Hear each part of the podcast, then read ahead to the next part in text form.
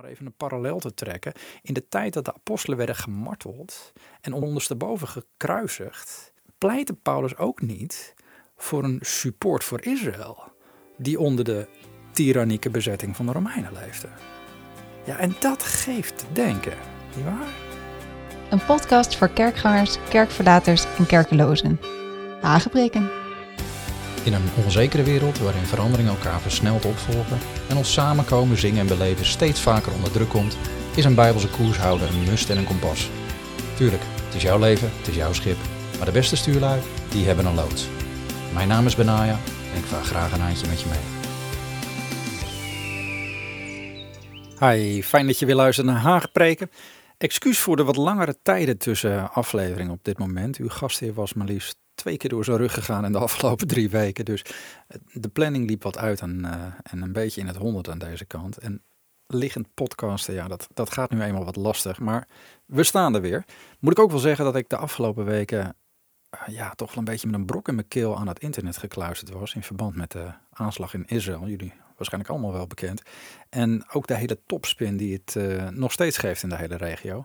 Ja, dan merk je toch wel dat je daar ja, wat uh, missionaire sporen hebt liggen. Zowel in Jordanië als Israël en Palestina.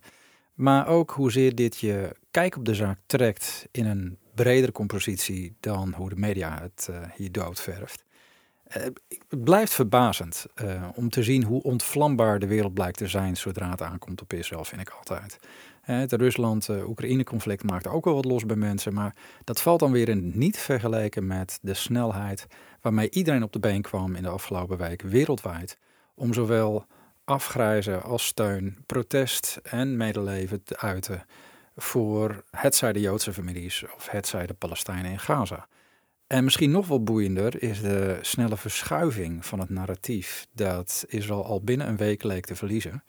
van slachtoffer van een gruwelijke terroristische martelcampagne die ruim, wat is het, 1300 mensen het leven kostte en waarbij ook nog eens ruim 200 mensen zijn gekidnapt, hè, van baby's tot grootmoeders, naar dictatoriale machthebber met genocidale plannen in Gaza. Zo spreekt de media inmiddels eensgezind. Dus is ongelooflijk. Als ik het allemaal zo gadesla, dan, dan denk ik, hoe is, het, hoe is het mogelijk? En tegelijkertijd denk ik, hier moet ik me dus niet te veel op richten, want daar is het Hagepreken podcast niet voor. Maar dan toch, ja, dan komen de gesprekken, eh, de berichten op social media, de vragen van verschillende mensen. Ja, en vervolgens zie je allerlei artikelen en blogs en filmpjes voorbij komen. Ja, en dan, dan, dan knaagt het toch aan. En dan worstel ik daarmee. Omdat ik aan de ene kant verder wil met de restantjes van het thema rentmeesterschap die er nog liggen. Gewoon focust op het delen van het woord van God. Focus op de uitgezette koers. En aan de andere kant hoor ik met kromme tenen wat er allemaal door deze en gene wordt gezegd en verkondigd in deze tijd. En hoe christenen vanwege deze ontwikkelingen toch wel een apocalyptisch onderbuikgevoel krijgen. Zo van, is dit het moment suprem? Uh, gaan we een derde wereldoorlog tegemoet? Of ja, hoe moet ik hierin staan? Het maakt mensen van slag, dat blijkt. En het zou onze focus moeten verscherpen.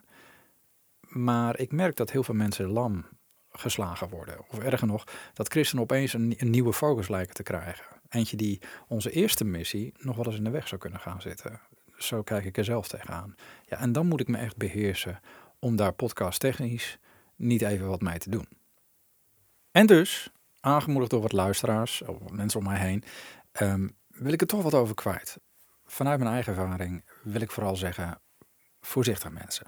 Want zaken liggen in de praktijk niet zo zwart-wit als we dat wel graag zouden willen vaak.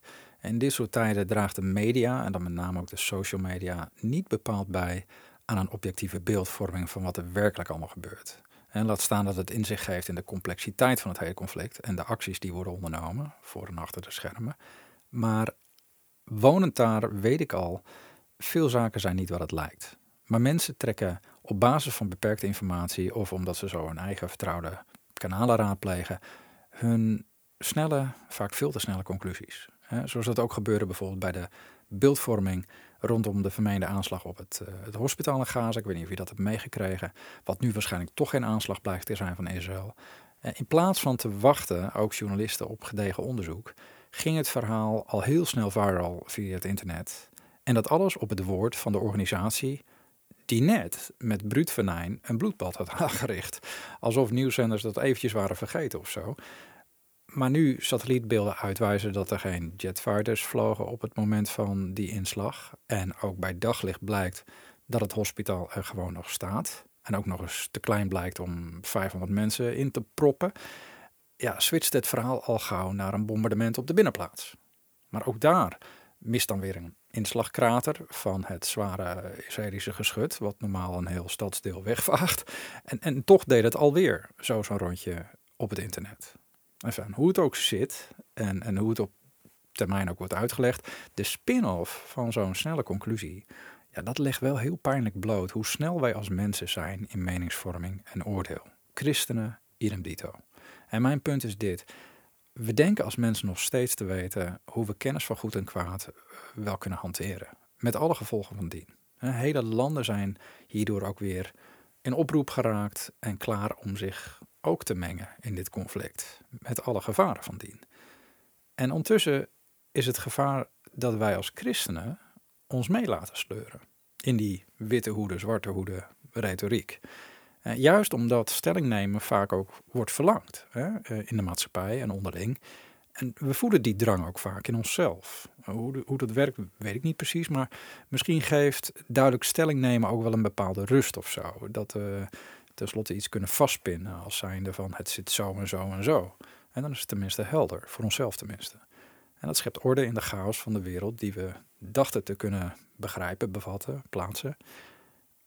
Maar ja, nogmaals, hagepreek is er niet voor opgezet. Mijn hart blijft het delen van Gods woord. En juist niet current events of maatschappelijk politieke onderwerpen. Maar het grijpt me wel aan. Dat merk je misschien wel. Maar ik vind het namelijk echt verschrikkelijk wat hier allemaal is gebeurd. En nog steeds gebeurt. En de reden dat ik hier dan toch nog even aandacht aan besteed. Is omdat ik je op het hart wil drukken dus. Voorzichtig. Voorzichtig in de meningsvorming. Laten we als christenen alsjeblieft voorzichtig zijn met wat we zeggen en wat we typen ook. Heb al je apps. Um, bedenk wel, het overgrote deel van ons kan zich hier sowieso geen voorstelling van maken. Van beide situaties niet. Nog van de afslachting in Israël, nog de slepende situatie en de gevolgen voor Gaza, waar de rest van de wereld nu voornamelijk op lijkt te focussen.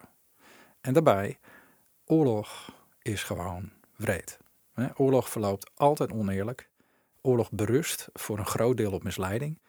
Dat is deel van de strategie die gevoerd wordt aan beide kanten. En daardoor staat het ook bol van rookvorming.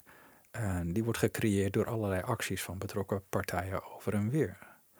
Maar wat wij niet moeten vergeten als christenen, is dat de uiteindelijke echt tegenstander, Satan, in dit alles schittert natuurlijk als mensenmoordenaar van de beginner, zoals de Bijbel hem typeert.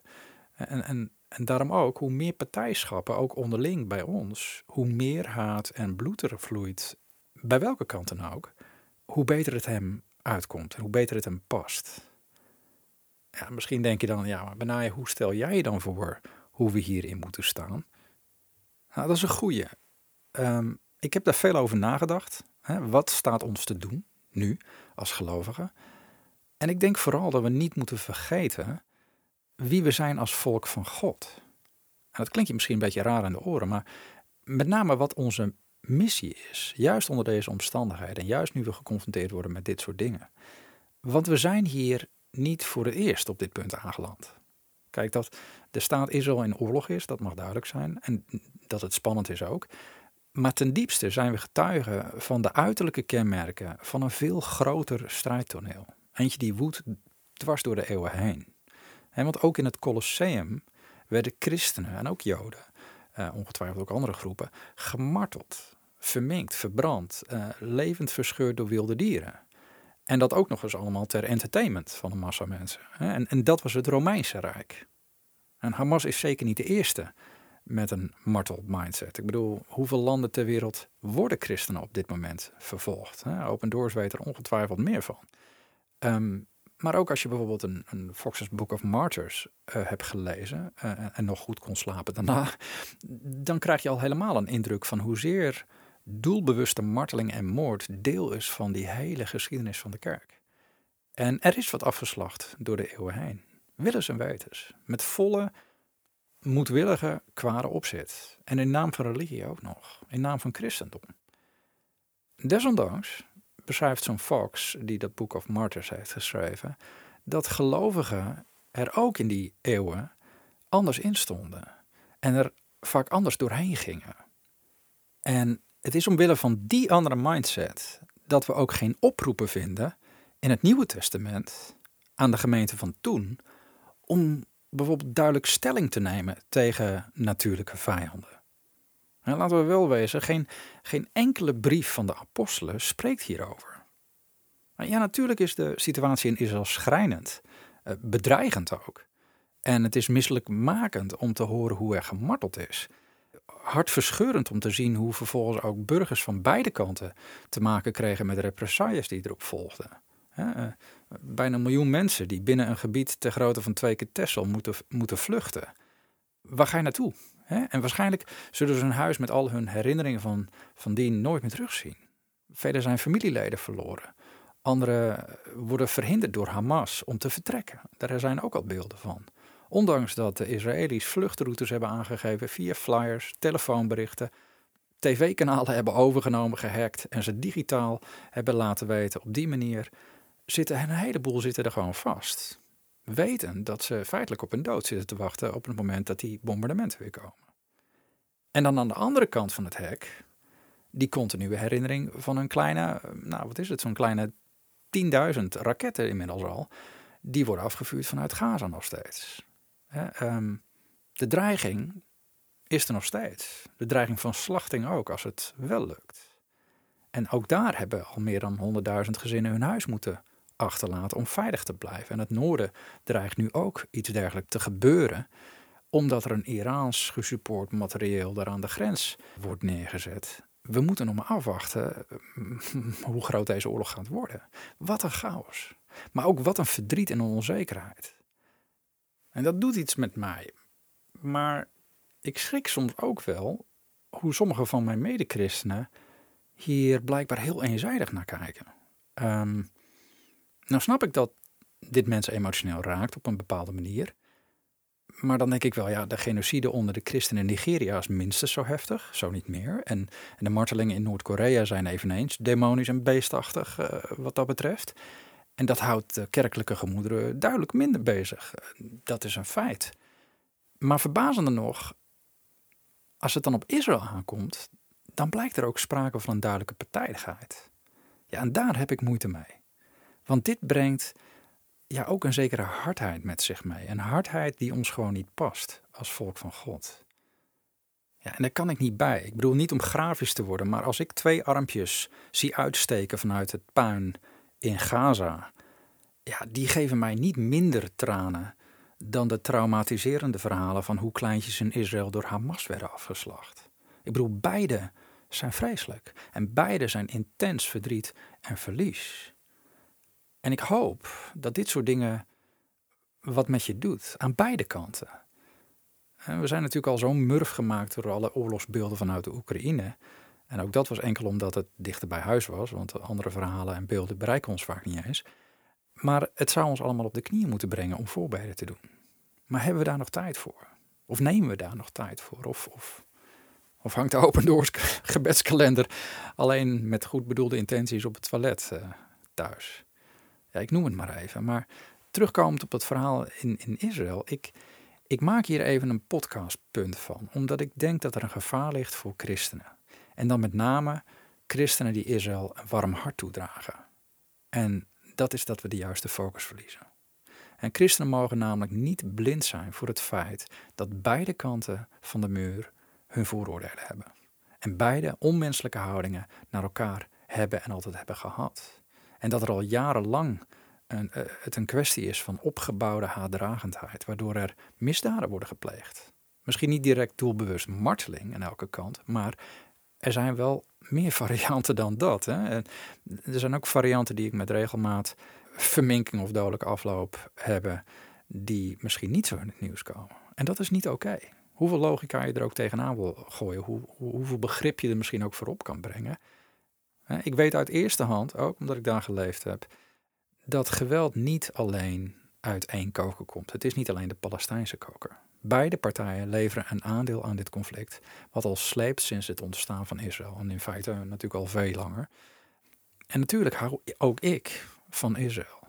Ik hou van Israël ook als land. Ik bedoel, ehm, de haat van Hamas onderschat ik ook zeker niet. Daarvoor heb ik te dicht gezeten op personen die ik ken, vrienden van mij, die met gevaar voor eigen leven moesten vluchten voor deze organisatie, omdat hun maatje al door het hoofd was geschoten. Die situaties heb ik meegemaakt. Maar ik weet ook, Israëli's zijn ook niet bepaald lievertjes als het gaat om de regie houden in dit gebied. En dat gaat soms ook met grof geweld. En nee, dat is niet altijd terecht. Zo kun je het niet stellen. Het ligt niet zo zwart-wit.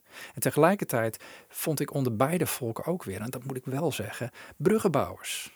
De extra mile lopers. Het, het voordeel van de twijfelgevers zou ik zo wat willen zeggen. Vredestichters. En gelukkig maar, want dat geeft hoop. Zo heb ik het voorrecht gehad om bijvoorbeeld het boek van de voormalige chauffeur en sluipschutter van Yasser Arafat te mogen vertalen. Een boek getiteld De Geest van Terreur van uh, Tast Sada. Uh, is uitgegeven door Gideon. Ik zal de link wel even in de voetnoot zetten. Het is een, prachtige broer in Christus die nou, eigenlijk geheel tegen het gedachtegoed waarin hij is grootgebracht, nu gelooft in een eenstaatoplossing. Hè? Als Palestijn, één land onder het gouvernement van Israël, waarbinnen Joden, moslims, christenen en niet-christenen allemaal samen leren leven. En ik vond het dan ook verbazend dat uh, de gemeenschapsprojecten van Tastsada en de multiculturele scholen ook langere tijd werden gesteund door onze eigen overheid. Hè, op voorspraak van, van Joel voor de winterstijd. Dat ging dwars in tegen de twee-staten-politiek die over het algemeen wereldwijd als enige oplossing wordt gezien. Hoe uniek is dat? Een voormalig terrorist die ervan overtuigd is dat het land wel aan de Joden toebehoort en dat het in Christus mogelijk is om wel in harmonie samen te leven. En dit ook nog eens een keer bewijst, onderstreept door de projecten die hij opzet, waarin Joden, christenen en moslims gewoon samenwerken. Geweldig. Ik raad je echt aan om dat boek eens te lezen, want het vergroot je denken over wat mogelijk is als God grip krijgt op mensen. En wat dit kan doen in een kruidvat als het Midden-Oosten en Israël in het bijzonder. Dat is echt prachtig. En toch zag ik in de afgelopen dagen dat veel christenen meegaan in een zwart-wit denken. Wat de wereld zo kenmerkt. Zo van, je bent of pro-Israël of je bent pro-Palestijns. Alsof het om voetbal gaat. Ken je dat? ik had het vroeger op een schoolplein, daar ik er al moeite mee. Je was toen ook of voor Ajax of voor Feyenoord. En als ik dan uit pure belorigheid zei dat ik voor PSV was, ja, dan wist je zeker dat je het hele speelkwartier onder de oksel van iemand werd meegesleurd. Van welke fan dan ook. Je kon niet eens zeggen dat je niet van voetbal hield. Je moest kiezen. En de neiging tot polarisatie wordt er dus al vroeg ingebakken. En later word je nog steeds gedwongen om stelling te nemen. Hè, met alle aannames en stigmatisering van dien. En dat zie je. En christenen zijn er debet aan, christenen doen er aan mee. Eh, je ziet in de media, je ziet in de politiek, zo van, hè, ben je niet een voorstander van elektrische auto's of windmolens en warmtepompen, dan ben je dus voor milieuvervuiling. He, uh, heb je geen COVID-shot genomen, dan ben je dus een antivaxer. Of hoezo vraag je je af of er meer wapens naar Oekraïne, eh, of dat wel helpt. Je bent toch niet pro-Poetin of zo, weet je. Dat soort gesprekken vinden plaats. Uh, kan het zijn dat er nog meer smaken zijn? Je wordt er soms moe van gewoon. Um, nu ook weer. Sta je niet onvoorwaardelijk achter Israël, dan ben je blijkbaar voor de Palestijnen. Of andersom, steun je Israël, ja, zie je dan niet juist dat de Palestijnen het zijn die worden onderdrukt? Mag ik misschien huilen om het verlies van beiden? Mag ik begrip hebben voor de gevoelens van beiden? Kan dat nog? Mag dat nog, ook onder christenen? En de artikelen gaan over en weer op dit moment. Het lijkt tegenwoordig sowieso bijna niet meer mogelijk om een keertje niet directe mening klaar te hebben. Maar zelfs een iets genuanceerde mening erop nahouden maakt je voor sommigen al verdacht, lijkt het wel. En, en daar baal ik een beetje van tegenwoordig. Maar ik blijf erbij. Oorlog is verschrikkelijk.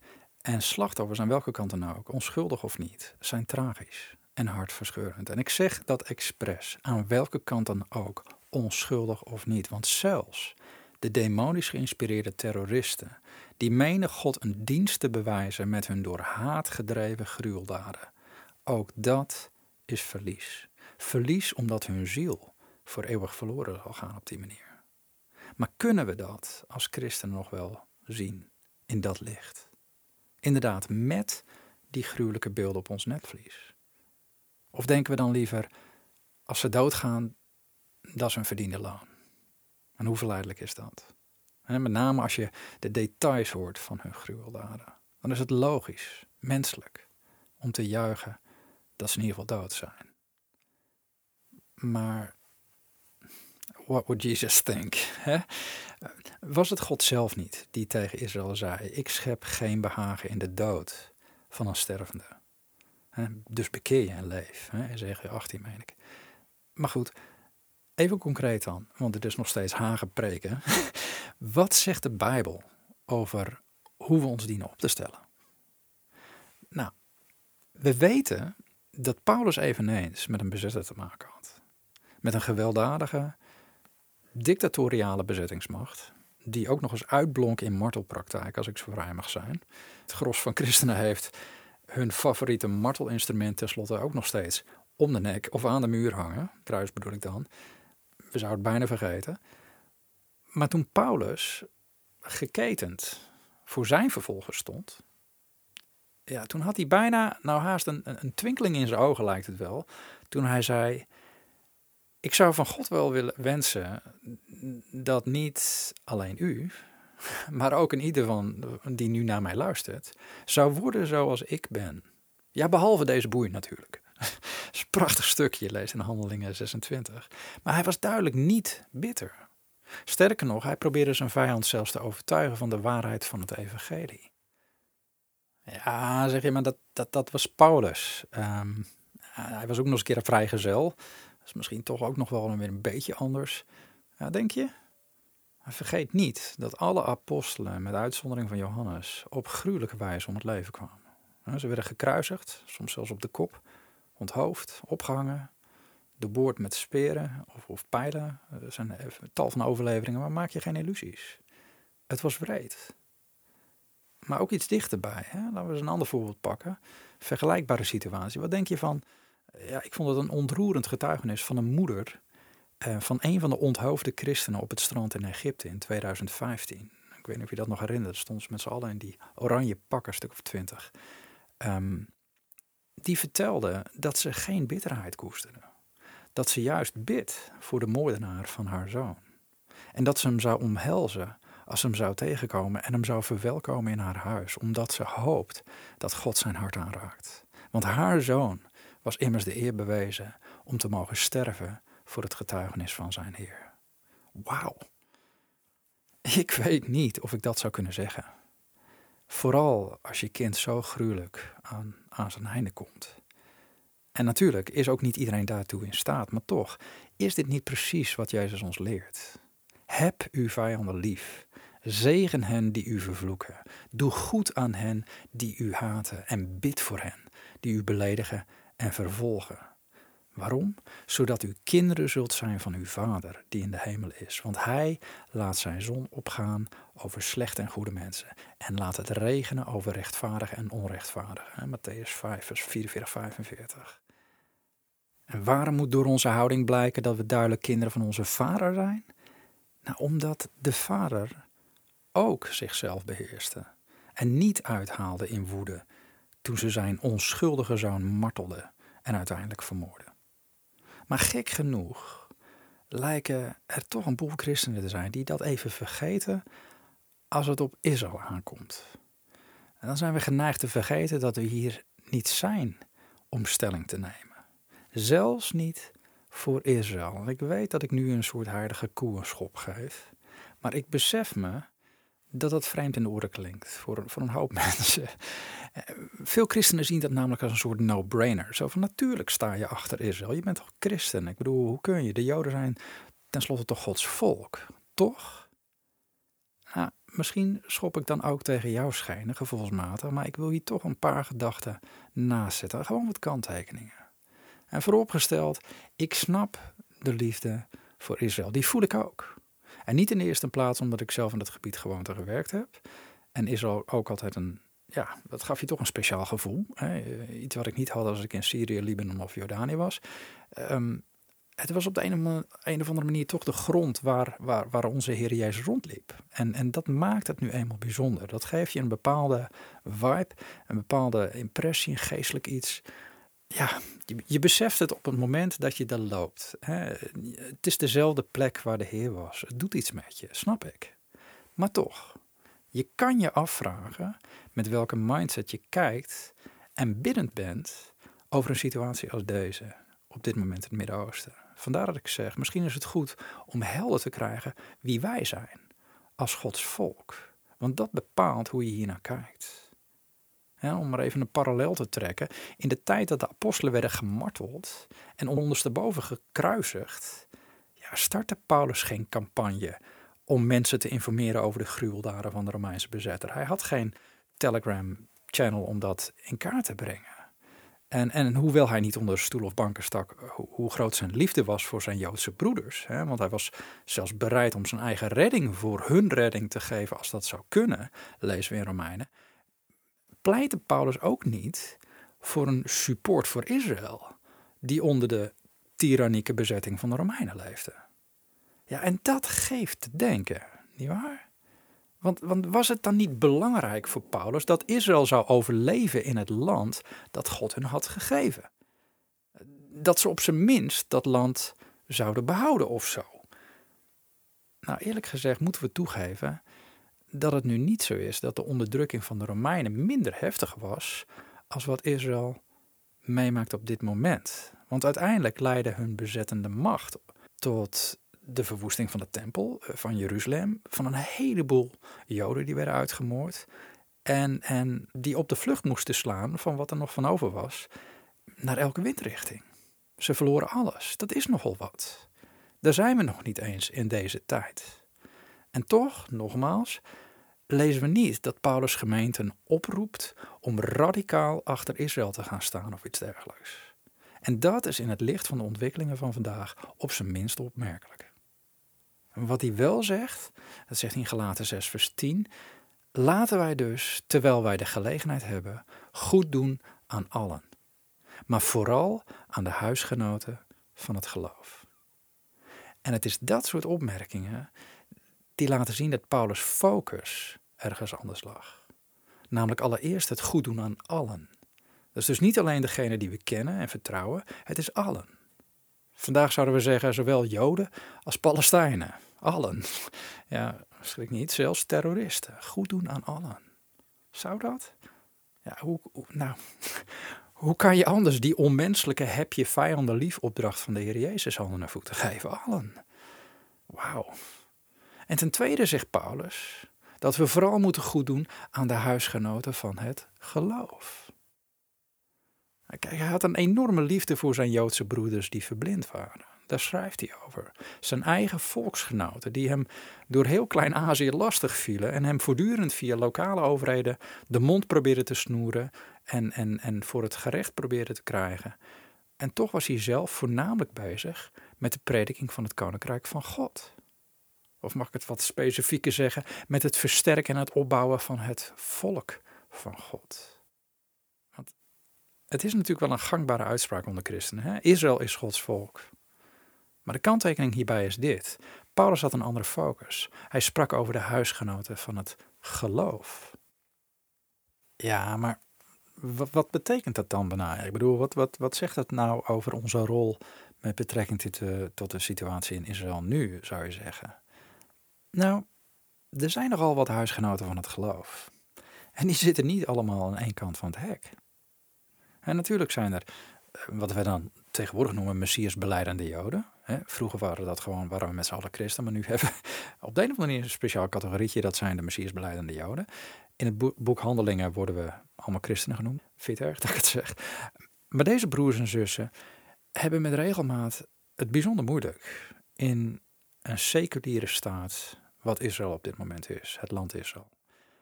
Um, en zij hebben onze steun en gebed nodig, heel hard. Al zou het alleen maar uh, zijn om, om, om hun getuigenis sterk te laten klinken onder het Joodse volk. Want die, die zijn vrij anti richting christendom. Die spugen daar letterlijk op. Ik bedoel, daar zijn genoeg filmpjes ook van. Maar wij moeten eens laten weten, je staat er niet alleen voor. We doen dit samen. Wij bidden. En vooral omdat met regelmaat uh, het wetsvoorstel weer op tafel komt uh, in het parlement daar, in de Knesset, om restricties af te dwingen wat de evangelieverkondiging betreft. Het wordt meestal opgevoerd door streng orthodoxe takken. In die zin zou je kunnen stellen dat er weinig is veranderd sinds Paulus tijd. Maar, ehm, maar naast die groep, naast de Joodse huisgenoten van het geloof, zijn er ook nog Palestijnse christenen.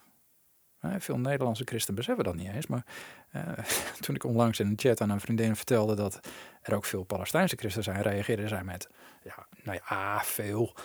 Nou, zeker wel. Dat is een feit.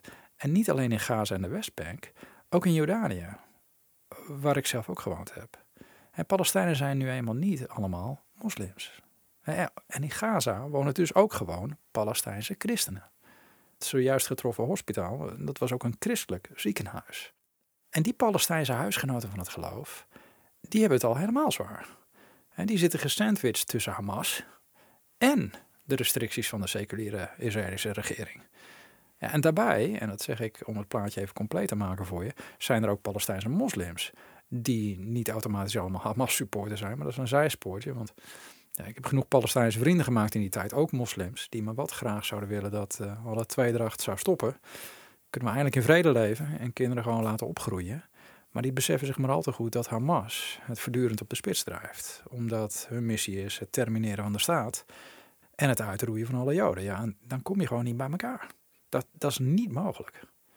Maar goed, uh, terug naar het punt.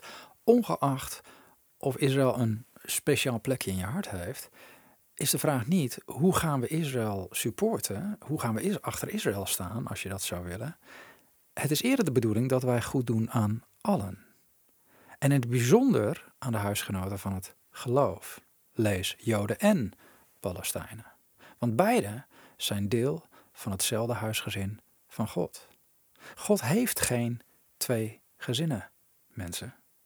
Ja, ik noem dit omdat als we niet uitkijken, sommigen van ons vergeten dat we het koninkrijk van God niet gaan invullen als een aardse enterprise. We zijn deel van een heel ander koninkrijk. Een koninkrijk dat landsgrenzen overschrijdt. Ook Israëlische landsgrenzen. We zijn hier om zieden te winnen voor de koning.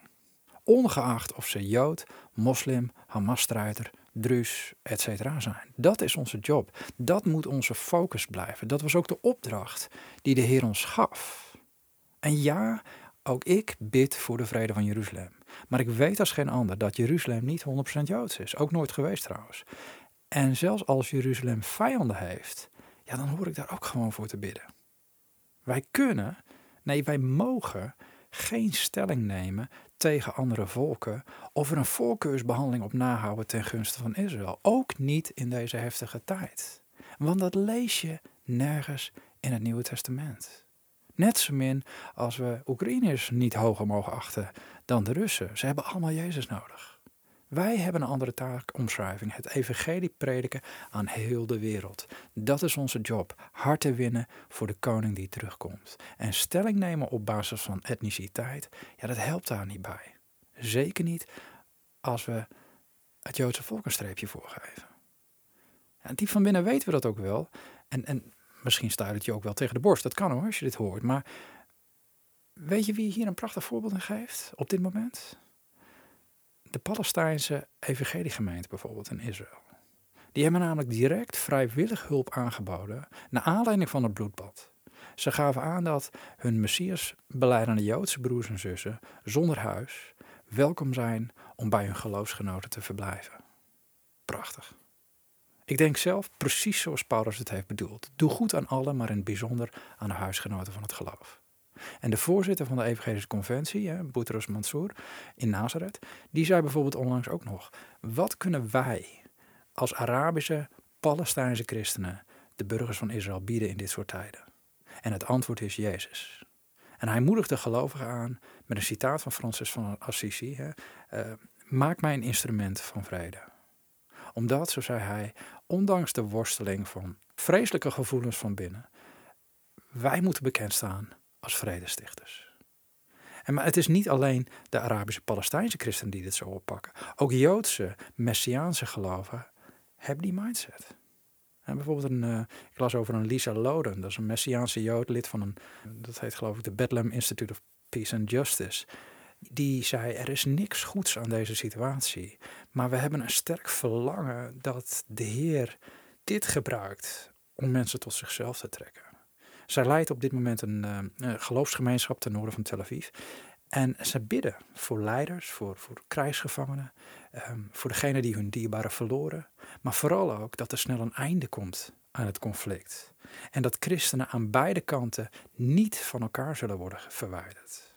En het meest opvallende vond ik, zij roept als Messiaans-Joodse gelovige ons als gelovigen wereldwijd op om niet snel een kant te kiezen. En zo zijn er meer huisgenoten van het geloof, midden in deze oorlogssituatie. Die zijn als voor een voorbeeld. En pastor Monir Kakish uit, Ramallah bijvoorbeeld, zo'n voorzitter van de Council of Local Evangelical Churches, die drukte zijn mensen op het hart. En ik citeer het, heb ik het even opgeschreven.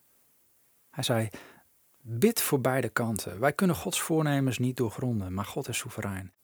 Het gevecht voor uitbreiding van territorium slaat de plank mis. Want al zouden beide kanten terreinwinst boeken van de Middellandse Zee tot aan de Stille Oceaan, maar nog steeds Jezus niet hebben, dan is het zinloos. Ze hebben nog steeds Jezus nodig. Ja, en ik denk dan, zo'n pastor meneer, hij, hij slaat de spijker precies op de kop. Dat is de juiste focus in deze tijd. Ik ben dus niet de enige. Gelukkig maar. Er zijn daar in Israël, onder die heftige omstandigheden, zowel Messiaanse Joden als Palestijnse gelovigen die er net zo in staan. En hoe kunnen wij dan als Nederlanders geloven dat we het gevoel hebben dat we als christenen achter Israël moeten gaan staan? Wij zijn helemaal niet geroepen om achter Israël te gaan staan. Net zo min dat we ook niet geroepen zijn om achter de Palestijnen in Gaza te gaan staan. Wij zijn burgers van een ander koninkrijk. Gods mensen die bidden voor overheden, meervoud, die bidden voor de vrede van Jeruzalem met al haar etniciteiten. En die moeten bidden dat de boodschap van de vredevorst voortgang mag hebben in de harten van mensen. En dat hij die harten mag veroveren, links en rechts. Dat hij het voordeel krijgt van deze oorlog. En misschien is het een beetje vergelijkbaar met de nou, misschien wel de situatie in het Oude Testament, waarin Jozua als jonge leider van Israël de Jordaan overtrok. Ik weet niet of je het verhaal kent. En toen met het hele volk, mannen, vrouwen en kinderen, op vijandelijk terrein stond. In een land vol met gewelddadige reuzen. Dat is een heel ander kaliber terroristen. En alsof dat nog niet intimiderend en bedreigend genoeg was, had hij ook net alle mannen, dat is dus inclusief zijn hele leger, op het woord van God lam gelegd door ze eigenhandig te besnijden. Kan je je voorstellen? En dan lees je uh, Jozef 4 en 5 dat er ineens een man staat met een getrokken zwaard voor zijn neus. En Jozef, en dan, voel je de adrenaline haast eh, als je dat leest, loopt dan op hem af en zegt: Hoor je bij ons of bij onze tegenstanders? En dan komt het verwarrende antwoord van de Heer zelf: Nee. Ja, wat nou? Nee. Ben je voor ons of voor de vijand? Nee. Oftewel, je kan mij niet categoriseren als iemand die deel is van jouw leger of dat van de vijand. Maar hij zegt: Ik ben de bevelhebber van het leger van de Heer. En nu ben ik gekomen. En dan staat er vers 14. Toen wierp Jozua zich met het gezicht ter aarde, boog zich neer en zei tegen hem: Wat wil mijn Heer tot zijn dienaar spreken? Misschien moet dat ons gebed zijn. Wat wil mijn Heer tot ons spreken? En toen zei de bevelhebber van het leger tegen Jozua: Doe je schoenen van je voeten, want de plaats waarop je staat is heilig. En Jozua deed het. Nou, alles wijst er hierop dat we te maken hebben met God zelf. Hè, de erkenning van Jozua dat de man de Heer is, dat hij hem aanbidt, zijn schoenen uitdoet, net als Mozes bij de brandende braamstruik. De plaats is heilig. Het is een theofanie, een verschijning van de Heer Jezus in het Oude Testament. Yahweh in manifeste vorm, zoals veel rabbijnen dat noemen. Maar wat kunnen we, wat, wat, wat kunnen we daaruit leren? Mensen kunnen vechten, mensen kunnen verdedigen. Maar wat de overwinning geeft, is niet een goed leger. Het was God zelf die Jozua hele andere instructies zou geven om het land in te nemen, als dat hij gewend was. Dit land was namelijk van God zelf. En hoe Jozua te werk moest gaan, was anders dan wat hij tot dusver had gedaan. En het komt ook nog bij dat dit de eerste keer was dat hij natuurlijk met een reuzenvolk te maken had. Het was een ongelijke strijd, zo leek het. En daar kunnen we twee dingen aan zien. Ten eerste zal God sowieso zelf wel zorgen dat het land waar de Heer straks zal terugkomen onder zijn gouvernement komt. Want, en dat is ook een gedachte eventjes voor de Israël-liefhebbers hier, hij voelde zich bij zijn eerste komst ook niet beperkt toen de Romeinen het hadden ingenomen. Toen was het niet eens van het volk Israël. En ondanks de bezetting van het land door de vijand gingen zijn plannen gewoon door.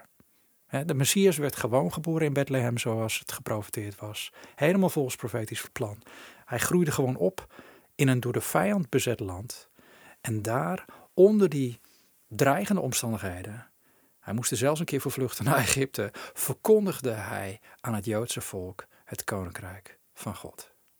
En ook toen al haakten een heleboel mensen bij de Heer af, omwille van dezelfde radicaal andere focus.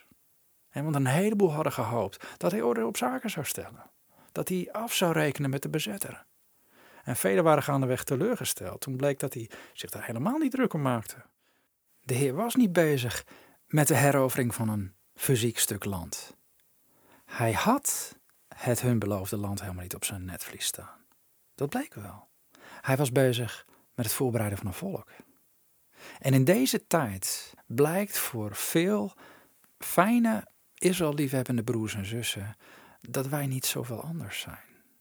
Wij zijn niet veel anders dan de discipelen die, zelfs na de opstanding van de Heer, het nog steeds niet echt pakten. Want ze stelden hem een laatste vraag. Nou, als je de Heer nou een laatste vraag, vraag zou willen stellen voordat hij vertrekt, wat ga je hem vragen? Nou, dit brandde in hun hart. De laatste vraag voordat hij ten hemel voer was dit. Heere, zult u in deze tijd voor Israël het koninkrijk weer herstellen. En daarna zie je, ook zij hadden hun focus nog niet op hetgeen waar de Heer Jezus wou dat ze zich op zouden richten. Want Jezus antwoord op hun vraag van deze Messias beleidende Joden, hè, let wel, deze Joodse christenen, was, jongens, dat is niet aan jullie. Het komt u niet toe, zei hij, de tijden of de gelegenheden te weten die de Vader in zijn eigen macht gesteld heeft. Maar u zult kracht van de Heilige Geest ontvangen. En die zal over u komen en u zult mijn getuige zijn, zowel in Jeruzalem als in heel Judea en Samaria tot aan het uiterste van de aarde. Handelingen 1 vers 6 tot 8 lees je dat. Anders gezegd, Jezus zei alleen de Vader weet wanneer het koninkrijk voor Israël weer hersteld zal worden. Maar ik heb een andere opdracht voor je. Ga getuigen. Zowel in Jeruzalem als in heel Judea. En Samaria, dat is de tegenwoordige Westbank. En tot aan het uiterste van de aarde. Maak je niet druk om het herstel van dat koninkrijk van Israël. Nou vraag ik je. Waarom zijn zoveel christenen op dit moment dan ineens bezig met het proberen zoveel mogelijk mensen te, zover te krijgen om achter Israël te gaan staan? En Samaria dan? En de Westbank dan? En de andere delen van de aarde dan? Het is niet aan ons mensen als discipelen, ook niet aan Joodse discipelen, om Israël veilig te stellen als land. En de kortste weg naar de vrede is de terugkeer van de koning van Israël. En dit gebeurt niet eerder voordat het evangelie van het koninkrijk in heel de wereld gepreekt is, tot een getuigenis voor alle volken. En dan zal het einde komen, staat in Matthäus 24, vers 14. Een getuigenis voor alle volken, alle etnos, zegt het Grieks. En die boodschap van het koninkrijk komt nu eenmaal wat minder blij aan bij alle etnos als ze niet langs jouw Israëlvlag kunnen kijken. Goed, mediteer daar maar eens even op. Als laatste dit. Het verhaal van Jozua die de Heer ontmoet, laat ook nog eens een keer zien dat God van een hele andere orde is. Hij is niet te vatten in het kampement van voor of tegen. Hij heeft plannen die het geheel overstijgen. En wij als christenen, ook als Messias beleidende Joden, want het zijn allemaal christenen, volgen één Christus, één Heer. Wij doen er goed aan om heel dicht bij Hem te blijven als bevelhebber van het leger van de Heer. Hij is namelijk niet de bevelhebber van het leger van de seculiere staat Israël. Zijn leger staat rondom het geheel klaar om in te grijpen zoals hij het wil en op het moment dat hij het wil. En de Vader weet wanneer dat is. En zowel de Bijbel als de geschiedenis wijst uit dat hiervoor helemaal geen menselijke middelen of aantallen nodig zijn desnoods. Zelfs toen Israël onder het Romeinse bewind zat, onder een overmacht, gingen zijn plannen gewoon door. Jezus werd geboren in Bethlehem, een stad onder Romeins bewind, niet een natuurlijke Israëlische regering. Maar dat maakte niet uit. Zeg ik daarmee dat die grond niet bijzonder is? Zeker wel. Maar het maakt niet uit wat er gebeurt. Misschien moet ik daar nog eens een keer over spreken. Voor nu is, wil, ik dit, wil ik dit eigenlijk hiermee afsluiten. Onze rol is dit: getuigen en bidden. En aansluiten bij wat God op dit moment aan het doen is in de hemelse gewesten. Onder elk volk wat betrokken is op dit moment. Als terroristen tot geloof kunnen komen. Zoveel getuigenissen op dit moment. Wat is er dan mogelijk? En dus doe goed aan allen, aan zowel Joden als Palestijnen en in het bijzonder aan de huisgenoten van het geloof. Ken je Palestijnse christenen? Alsjeblieft, rijk uit, bemoedig ze. Ken je Joodse christenen? Ken je Messiasbeleidende Joden? Rijk uit en bemoedig ze. Ze hebben je nodig in deze tijd. En zorg ervoor dat ze net als hun andere geloofsgenoten, waarvan ik er al een paar van deelde, niet partij kiezen, maar verder gaan met het bouwen van Gods koninkrijk. Goed, daar laat ik het maar even bij. Ik ben al te lang bezig. Het kan zijn dat ik hier nog een keer op terugpak. Maar ik laat ook een beetje over aan de reacties en uh, nou ja, wat zich ontwikkelt op, op, dat gebied. Blijven luisteren naar Gods woord. Blijven koers houden. En heb je vragen, aanvullingen of opmerkingen? Stuur me even een mailtje via podcast.saintkenaan.com